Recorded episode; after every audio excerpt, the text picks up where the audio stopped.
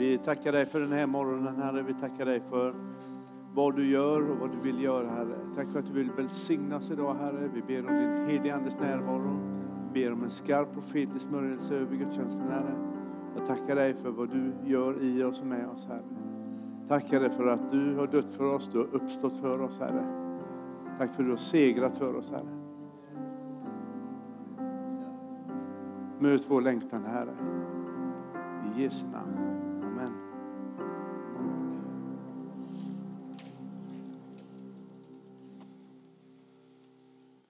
Morgon. Det är väl snackisen där i Froland?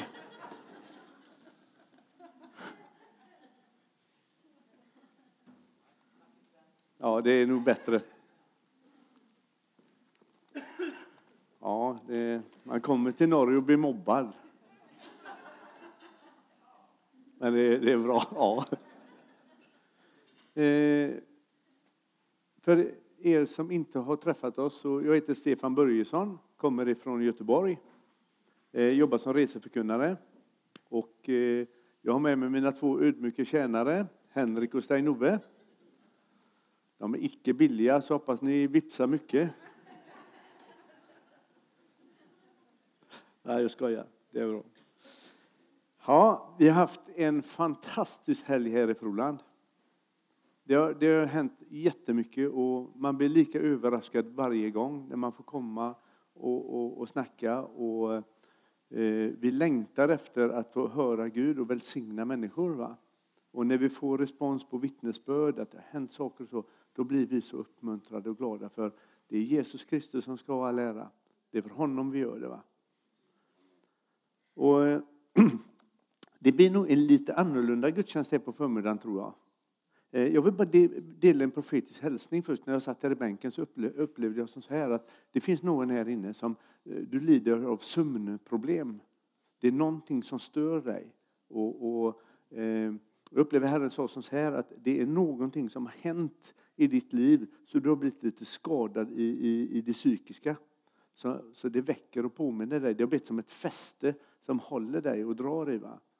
Så jag bara talar ut i Jesu namn och löser dig från det. För, för Jesus Kristus han vill, han vill ta det här problemet ifrån dig så du ska få en god nattsömn. Så jag bara talar ut hälsa och väl över dig i Jesu namn och bara välsignar dig. Amen. Eh,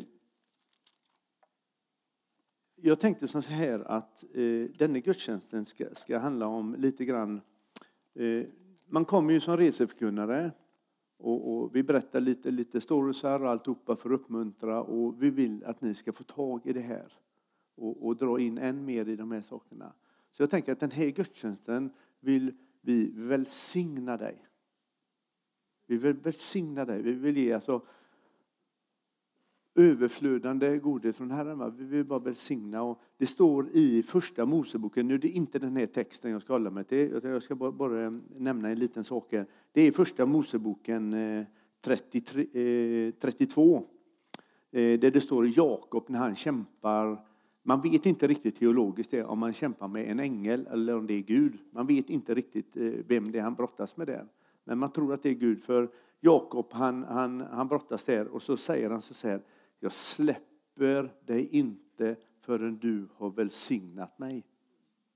Och så, så får han ett slag på höften. Och så välsignar han honom. Och så lämnar det.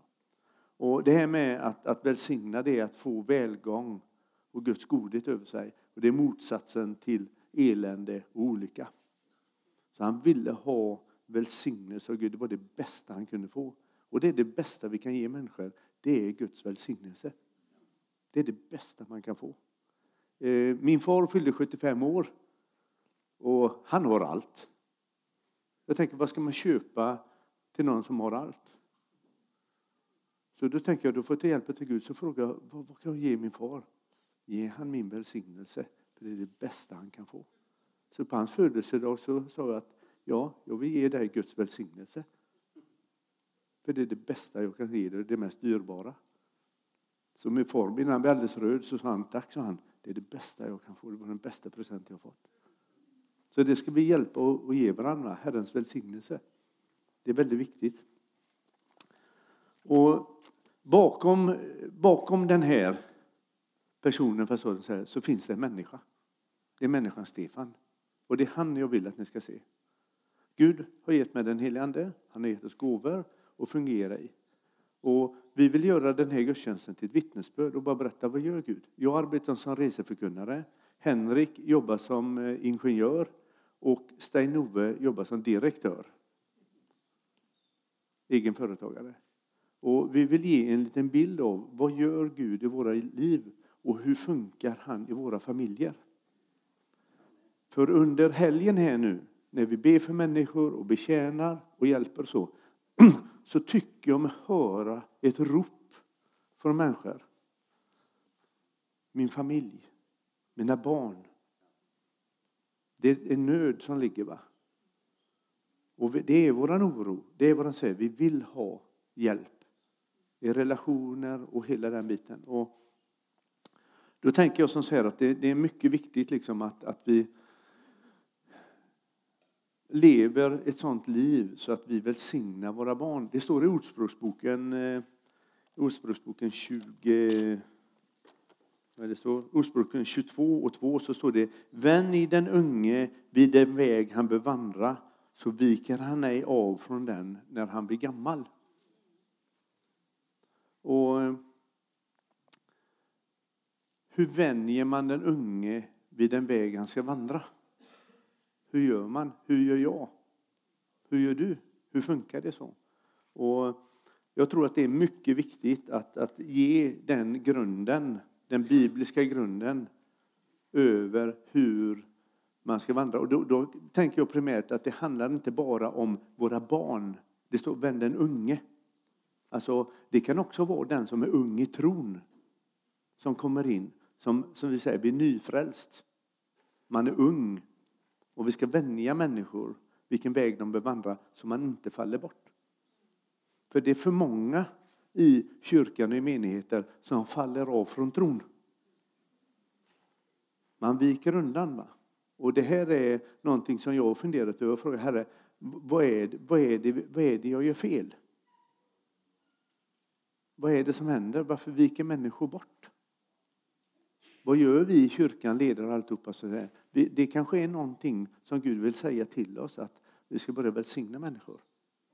Inte styra människor med järnhand och, och hålla dem i schack, utan välsigna. Och låta det flödet komma över. Eh, jag tänkte, Henrik, kan inte du börja och, och... Vill du det? Ja. Nu slipper jag predika. Det själv. 18.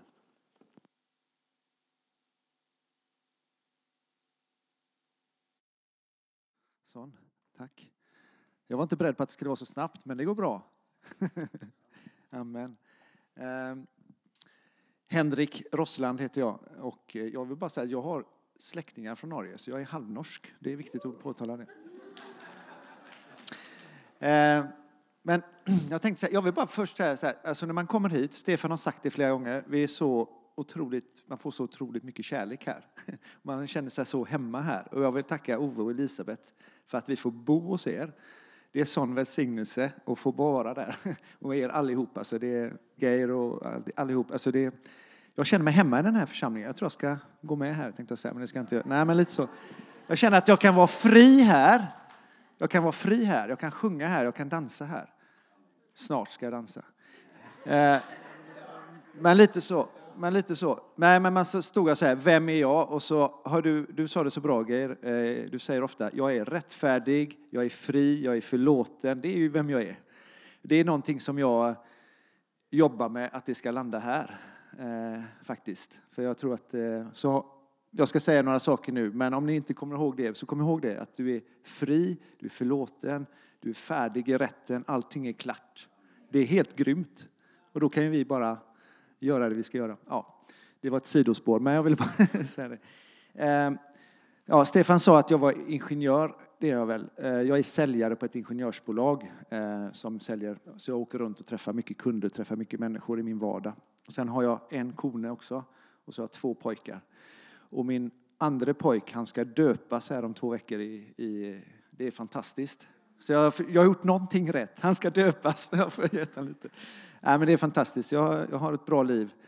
Eh, men lite kort eh, så här. Jag, är, jag vittnade ju här för två och ett halvt år sedan, men jag har säkert glömt det lite grann. Så jag vill ta lite hur min väg till tron är och lite vad jag gör idag. Då.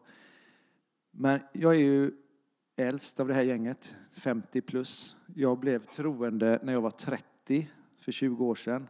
Då hade jag kommit in i församlingen och sådär. Men mitt liv förändrades väldigt mycket för tio år sedan, 2011.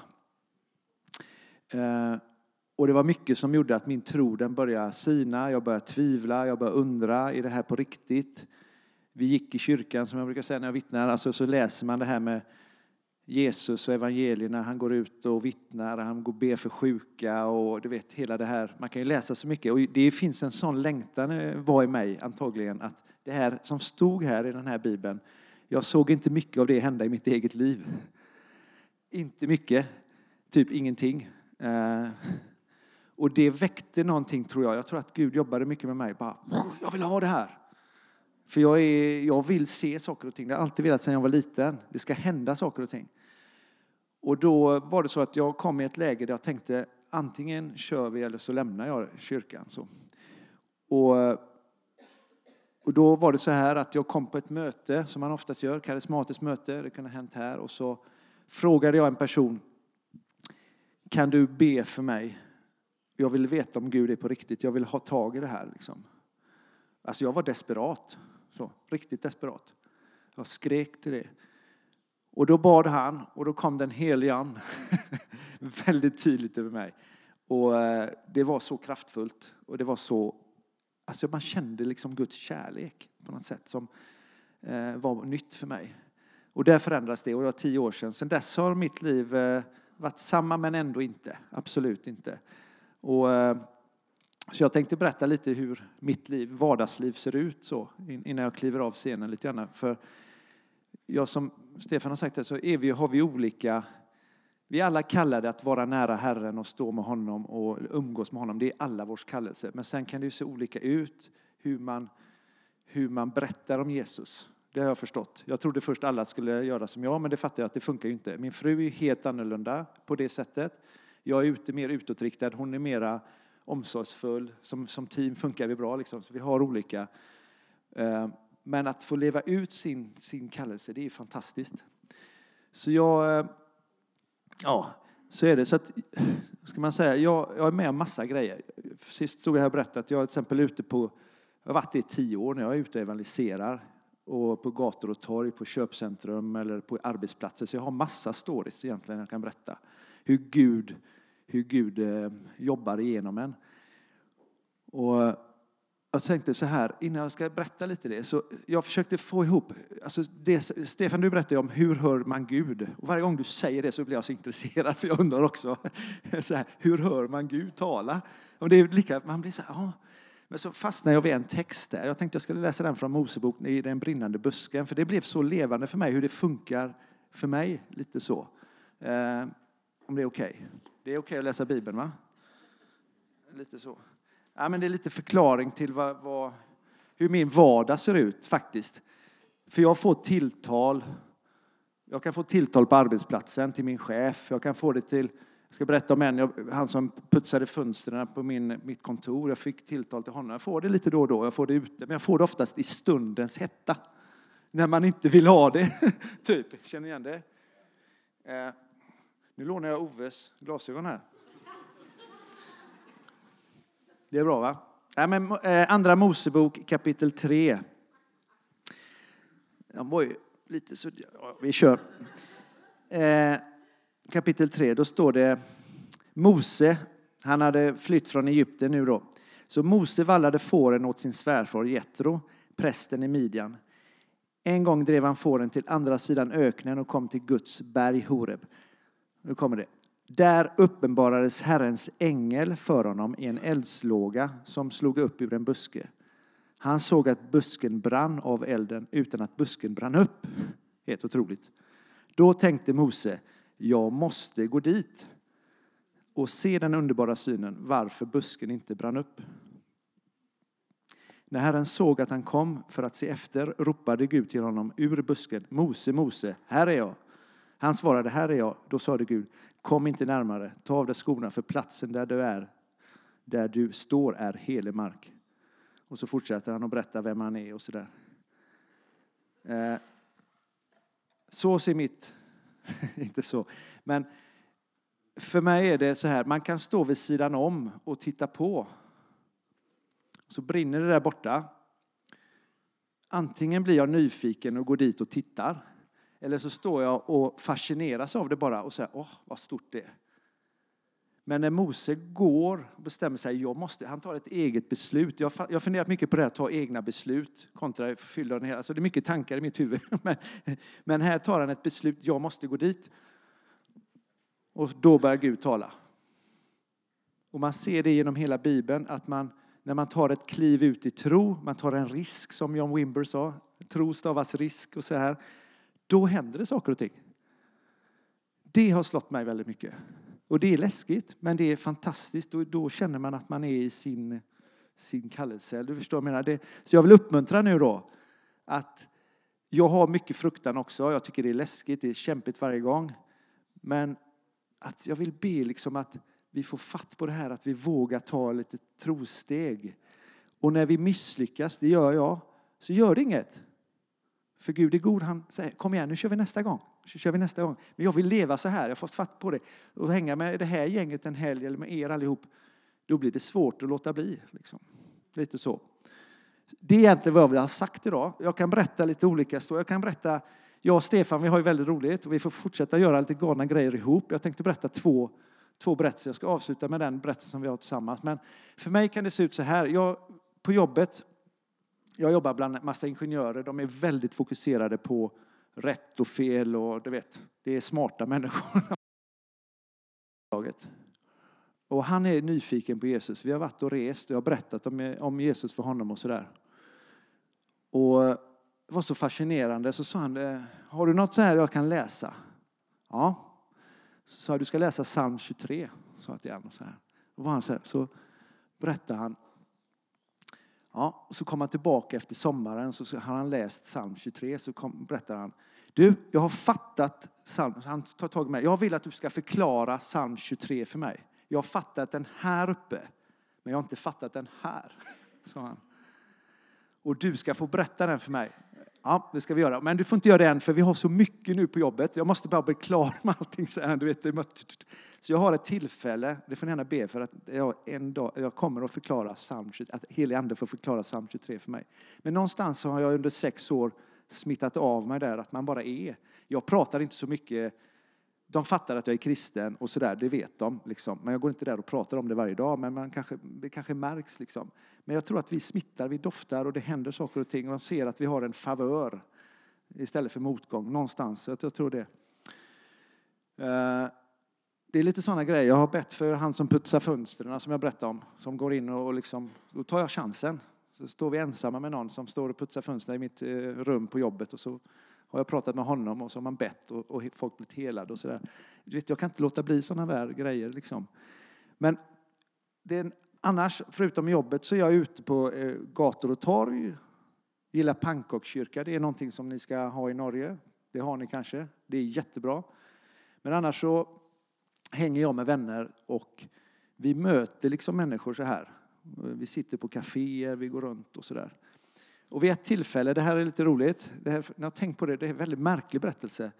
Eh, Stefanie har ju en profetisk gåva. Och det har vi allihop, men du, ibland så, vid ett tillfälle så var jag ute och så pratade jag med en dam eh, hemma hos mig och, eller, och hennes mamma. Och de såg ganska sargade ut. Och, så där. och då, ja, man står och pratar, man uppmuntrar dem och berättar lite om tron och Herren och sådär. Och så ringer du Stefan, jag ringer inte upp dig, men du ringer. Och så stör ju du då, eftersom jag står och pratar med de här, det här är ju några år sedan, men så säger jag till dig, du, jag står och pratar här, men har du en hälsning? Du vet, du, har du en hälsning till dem som står bredvid mig? Så här, det är liksom helt galet, typ, kan man säga så? Ja, mm. Och så säger du, spesar du då hur de är klädda. Ja, det är två. De är helt gulklädda. Det är som påsk. Alltså de är helt, båda mamman och pappa. De har gula kläder på sig och hälsar att Herren älskar dem vet, och det här förmedlar jag till dem. De blir helt tagna. Och, liksom, och det får man vara med i. Du vet, när, man får, när man kommer in i det, när Guds närvaro kommer, då händer det saker och ting. Människor blir berörda i sitt hjärta. Liksom. Och då berättar de om sin... Det var ju mamman, farmor, mamman och så hade de ett barn som var på glid som var 17 år som höll på lite, ja du vet, inte levde som man skulle göra. Så de var väldigt oroliga för henne. Och då sa de, kan inte du be för vårt barnbarn och dotter då? Och då får jag och min vän stå och be där. Men det öppnas ju upp tack vare att man har en hälsning, en profetisk hälsning, att de märker att det är någonting, de trodde ju på det liksom. Och sådana här grejer. Ja, en av dem hade, just det, det vi bad för armbågen, ja, precis. Men just det där att man får det, man blir använd så, det här överna. Jag älskar det. Så vad vill jag ha sagt då?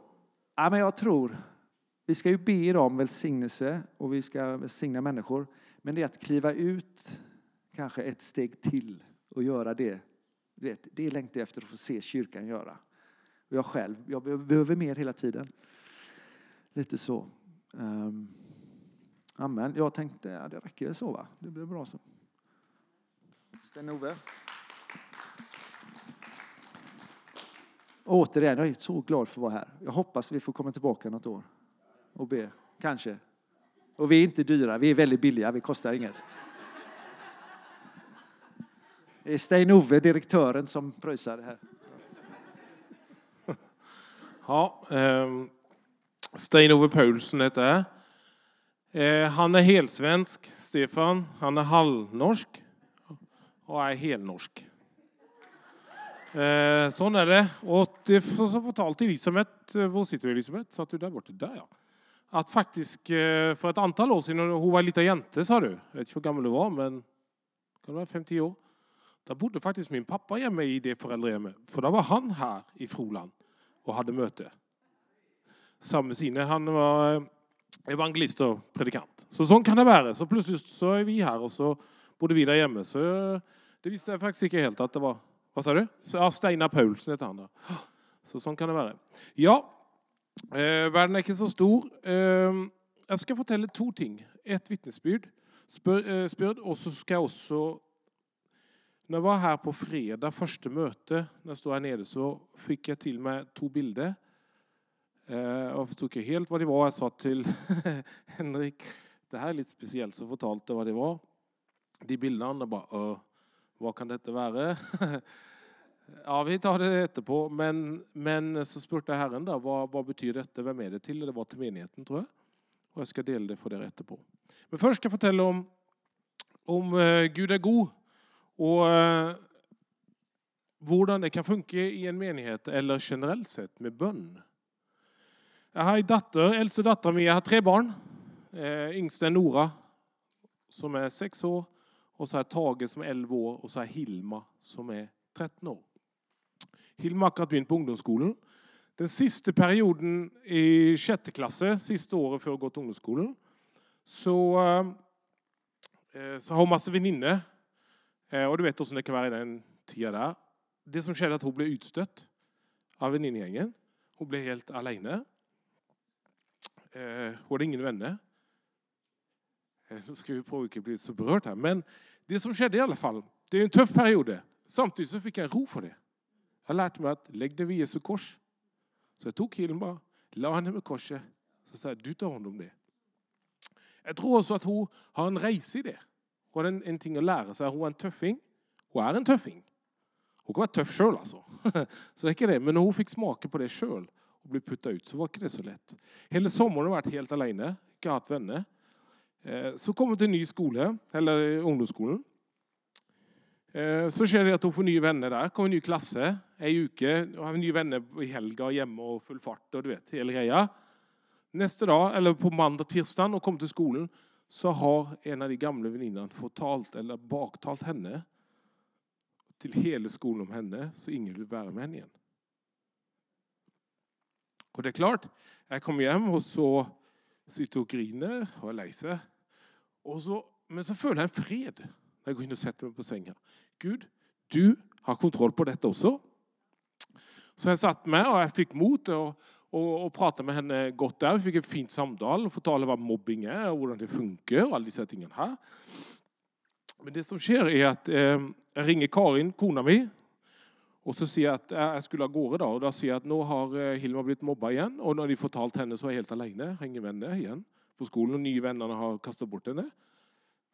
Men så sa jag, eh, du får ta med det. Några minuter senare så ringer min mamma, som sitter i Farsund i Norge, och eh, säger att ikväll har vi mödre i bön. Mödre i bön.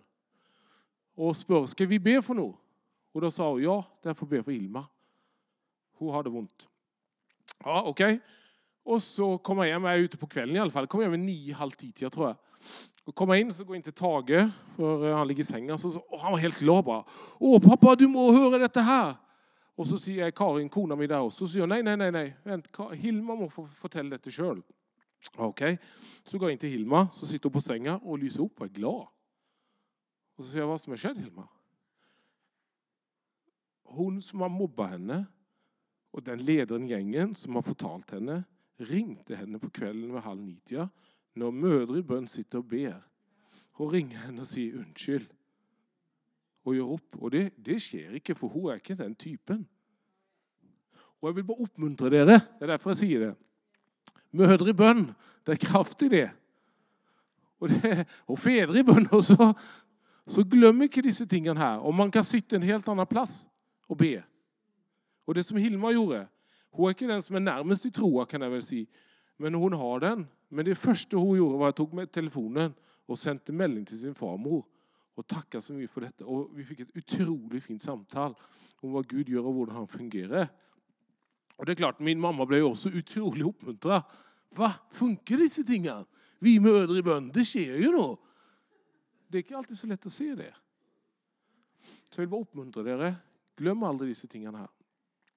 Så han hilsen, då. De to bildene jeg fikk, det ene var midt i smørøyet. Det vet jo alle dere hva er. Midt i smørøyet. Og det andre var blekksprut. En blekksprut. Og det er klart Når jeg sitter her og får er dette her, Hva er dette for? Tuller du nå, eller er jeg helt ute?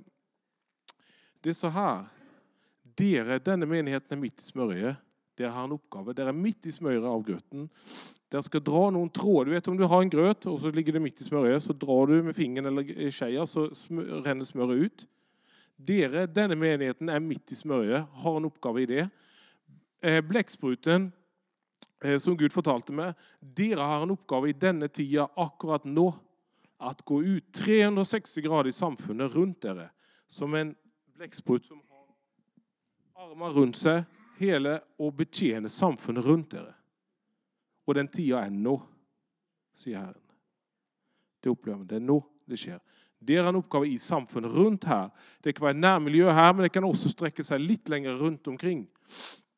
Men det har en oppgave, ikke bare for dere sjøl, det tror jeg ikke det er heller i dag, men dere har en, en, en, en samfunnstjeneste, en oppgave i samfunnet rundt dere, 360 grader rundt dere, der dere skal betjene. Og han sier også så her, for jeg forberedte meg litt eh, någon noen dager før vi kom her. Da sier han også at eh, tiden er moden nå. Eh, og det er på tide å gå ut og høste for dere som menighet. Eh, han sier også at han løfter opp folket, han løfter opp dere og menigheten igjen nå. Eh, og dere skal gå ut. Og så sier han også at han gir dere en ny giv i denne stund. Ehm, eh, og så opplever også når jeg har vært her, eh, at det er en utrolig tjenestevillig menighet denne menigheten. Så eh, jeg er utrolig glad for det. Jeg tror at det kommer til å gå veldig bra for dere. Jeg er veldig spent på å høre hvordan det går for dere utviklinga. Det er en fantastisk menighet å komme til. Som både Stefan og Henrik har sagt, så er det utrolig godt å komme her og være med dere. Det som kommer hjem, som Henrik sa. Eh, så jeg er veldig takknemlig for det. Men jeg vil bare oppfordre deg til det. Ta den stunden. Dere er i den tida nå. Dere har et oppdrag der. Så skal jeg bare avslutte med eh, ett bibelord som jag fick till mig i dag morges. Det var ska vi se om kan Ska vi se, Jeg ner så å renne också. Ska vi se här. Eh. Där har vi det. Johannes 15, 10 och 11. Där står det, ”Viss dere håller fast på mina bud, då blir dere i min kärlighet. Liksom jag har hållit fast på min fars bud och blir i hans kärlighet. Detta har jag talt till dere för att min glädje kan vara i dere och deras glädje bli eh, fullkommen.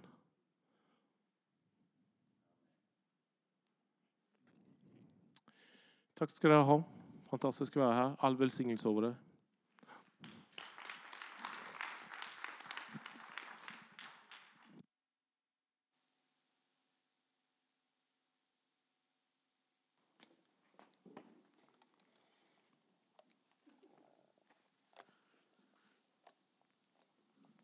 Det är fantastiskt att höra. Jag blir så glad att höra vittnesbörd. Va?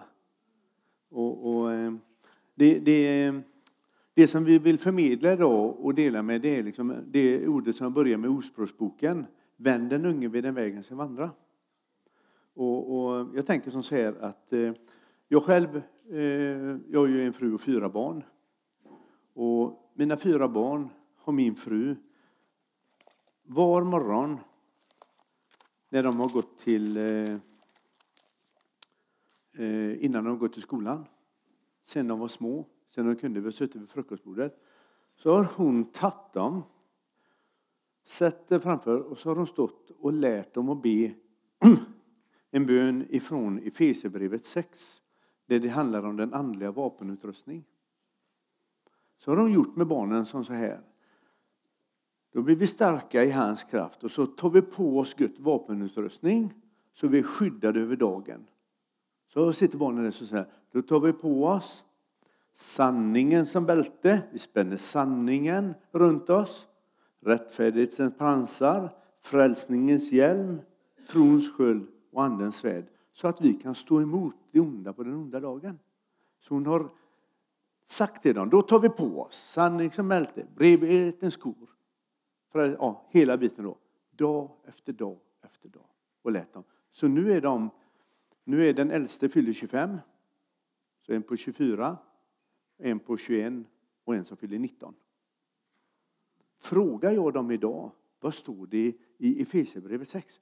Den andliga vapenutrustningen, sanningens bälte, rättfärdighetens pansar, de kan ikläda sig den. För hon har tränat dem till det. Var dag under hela uppväxten. Så hon suttit, ibland sa de, mamma vi orkar inte idag. Vi tar på oss och vi står under skydd som säger. För vi räknar med att han beskyddar oss. Och det är inte på något sätt att vi, vi liksom, eh, försöker lägga över någonting på barnen. Att de ska vara i någonting som, som de inte ska vara i. Men vi tror på ett skydd. Va? För det, det står ju att det är inte mot människor och kött och blod utan mot varelser i himlarymderna. När det blir mobbing och när det blir andra saker som tränger på på våra barn och de runt oss, så här, det är oftast en ondska bakom. Vi kan inte räkna bort det. Den ligger och trycker och vi kan ta hjälp av Guds ord och ikläda oss detta för att stå emot. Och det har vi med oss hela livet. Och, och eh, Det är inte på något sätt att vi hamnar, hamnar under något skydd och så. Som jag berättade häromdagen. Jag slogs av en blodpropp 2009. Ramlade ihop. Men jag klarade mig bra. Ehm, min äldste son, eh, de var nere vid hamnen och så eh, det är som en, en eh, båtkran, en båtlyft med en slynga i. Har ni det här i Norge, en sån slynga? Så hölte de i den och så ut och så här. Och när han släppte så fastnade fingern i slyngan och så flög av. Så han kom hem till mamma och så hängde fingern så, bara i skinn tills slapp så. Så de åkte upp till sjukhuset. Och så, så, så fick de lägga förband så sa de, du får komma in imorgon för den är försvullen. Du får komma in imorgon så får vi operera och stifta. För den är av. De hade tagit en röntgenbild. Så. Då säger min son, när de åker in dagen efter, så säger han, mamma, kan vi inte be en gång till för fingern så att den blir hel? Så sitter de på parkeringen utanför.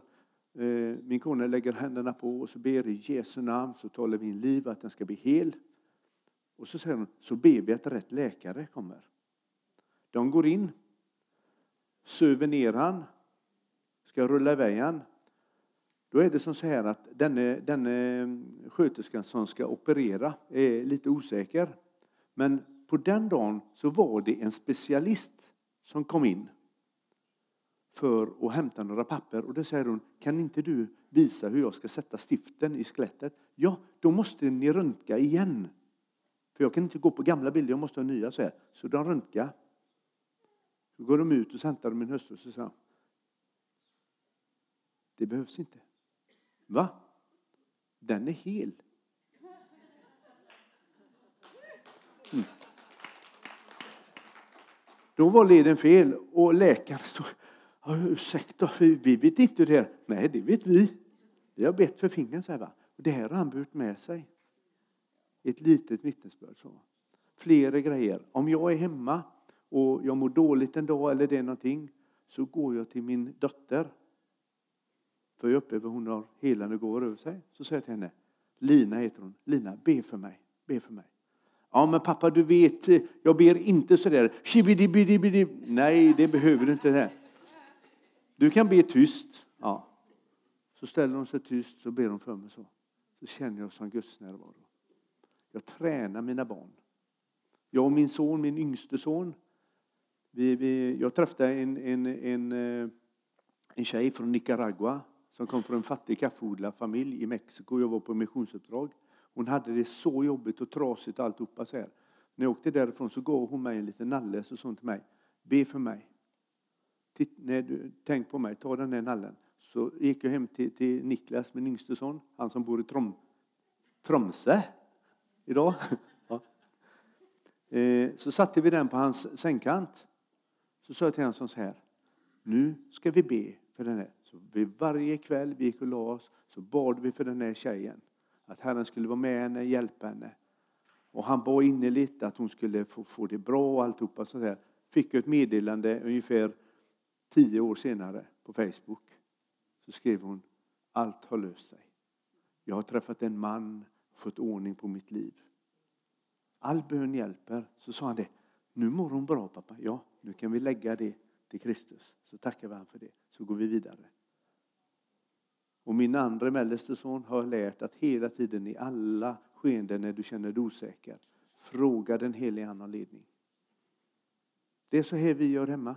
Jag tränar mina barn. Jag vill att de ska få med sig tron, ha med sig den på arbetsplatsen alltihopa. Och jag har sagt till dem det, skäms aldrig för Jesus Kristus, för det är han som räddar oss. Det är de andra som kommer stå där och skämmas om de börjar mobba er för det. Bry er inte om det.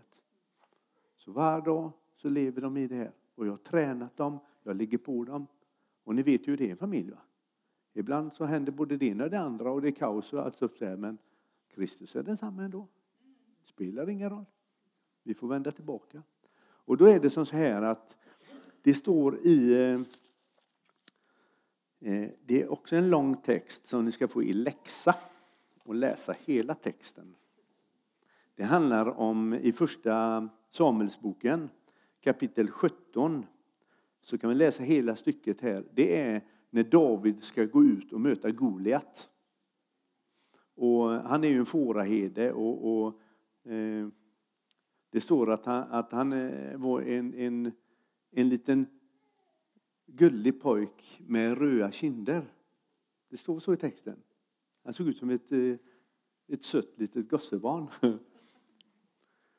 och, och eh, han kommer i alla fall och så säger han till Saul, eh, till, till eh, Saul där att jag ska göra detta, jag ska strida det. Och han förklarar för honom, han får uppdraget. Och så står det som så här i vers eh, 39 där. David band Sauls svärd om sig utanpå kläderna och försökte gå med det. För han hade aldrig provat något sådant. Men David sa till Saul, jag kan inte gå med det här, för jag är inte van vid det här. Så han la av sig det.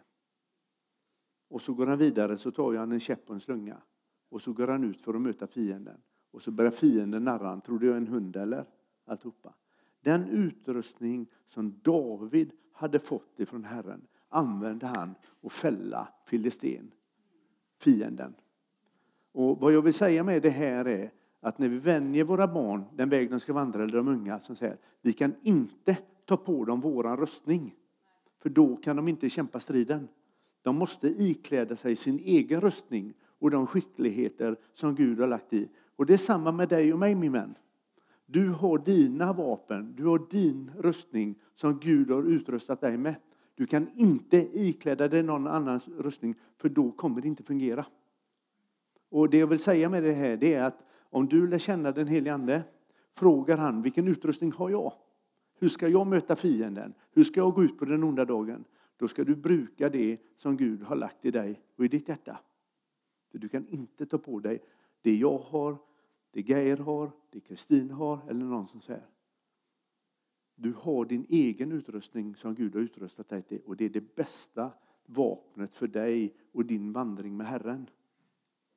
Och när vi lär de unga vägen att vandra ska vi inte ikläda dem. Tänk jag har sagt till min dotter, du måste be, halleluja, så här. Det hade blivit kortslutning, va? Det hade inte blivit en rätt bön inför Herren. Det hade blivit något påhittat som jag har sagt att de ska göra. Och när du går ut och möter din kamp, använd den utrustningen och lita på det Gud har placerat i dig. Då kommer du fälla fienden. För det är vapen som har smitts från himlen som är gedda till dig genom nåd. Och genom den nåden kan du bruka det och effektivt angripa fienden och stå emot på den onda dagen. Vi behöver inte söka upp det. Det säger jag tydligt när jag lär mina barn. Vi söker icke upp det onda. Vi går vägen som Herren har stakat ut som vi upplever. Möter vi på det onda, då har vi makt och auktoritet och jagar bort det. För det ska icke vara på våran väg. Det ska inte stå i vägen. Det har inget tillträde. För vi tillhör Jesus Kristus. Möter jag på det, då har jag auktoritet att jaga bort det. Och det är samma med dig och mig. Då räcker det med de vapnen, gott och väl det vi har, kan vi stå emot. Precis som Stein-Ove sa. Han lade det vid korset. Fick frid i det. Det löser sig det. Det kommer bli seger. Vi går i tro. Vi vandrar i tro. Och då kommer Gud bruka det vi har. Och det vi vill säga med det här så säger, det är att vi vill välsigna dig. Med de himmelska välsignelser som Herren har förberett. De vapen som du ska ha. Vi vill gärna smörja dig med olja och be välsignelseböner över dig. Och ikläda dig den röstning som Gud har tänkt för dig. Det är det viktigaste. Vi måste söka oss in och fråga Gud, vad, vad, vad, hur har du utrustat mig? Vad är det för vapen jag ska ha?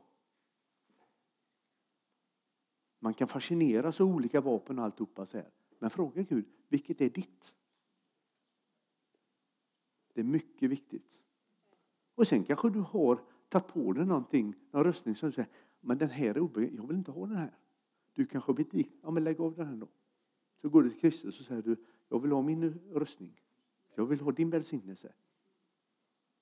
Och släpp inte Herren förrän han har välsignat dig. Brottas med han, bråka med han. Säg till han, välsigna mig. För får du Herrens välsignelse över ditt liv, då må det gå det väl. Amen. Herre, vi tackar dig för din seger. Vi tackar dig för du har gett oss utrustning. Du har utrustat menigheten i Froland till att gå dina ärenden. Du har iklätt dem en rustning som de ska ha när de möter det ondska på den onda dagen, Herre. När de får gå ut och välsigna människor i det som du har iklätt dem, Jesus Kristus. I den helige Andes kraft ska de, ska de gå ut och bruka de vapen och det som ligger i dem.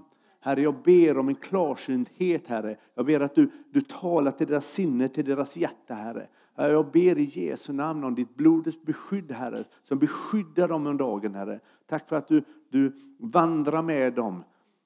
Du släpper dem aldrig förrän du har välsignat dem, Herre. Jag tackar dig för det, Herre. Hör vår bön, Herre. Möt vårt hjärtas längtan, Herre. Och vi släpper inte, Herre, för du har välsignat oss. Då går vi. Vi ber om den rustning du har tänkt för våra liv. Och du har sagt, Herre, att vi kan be om vad som helst så ska vi få det.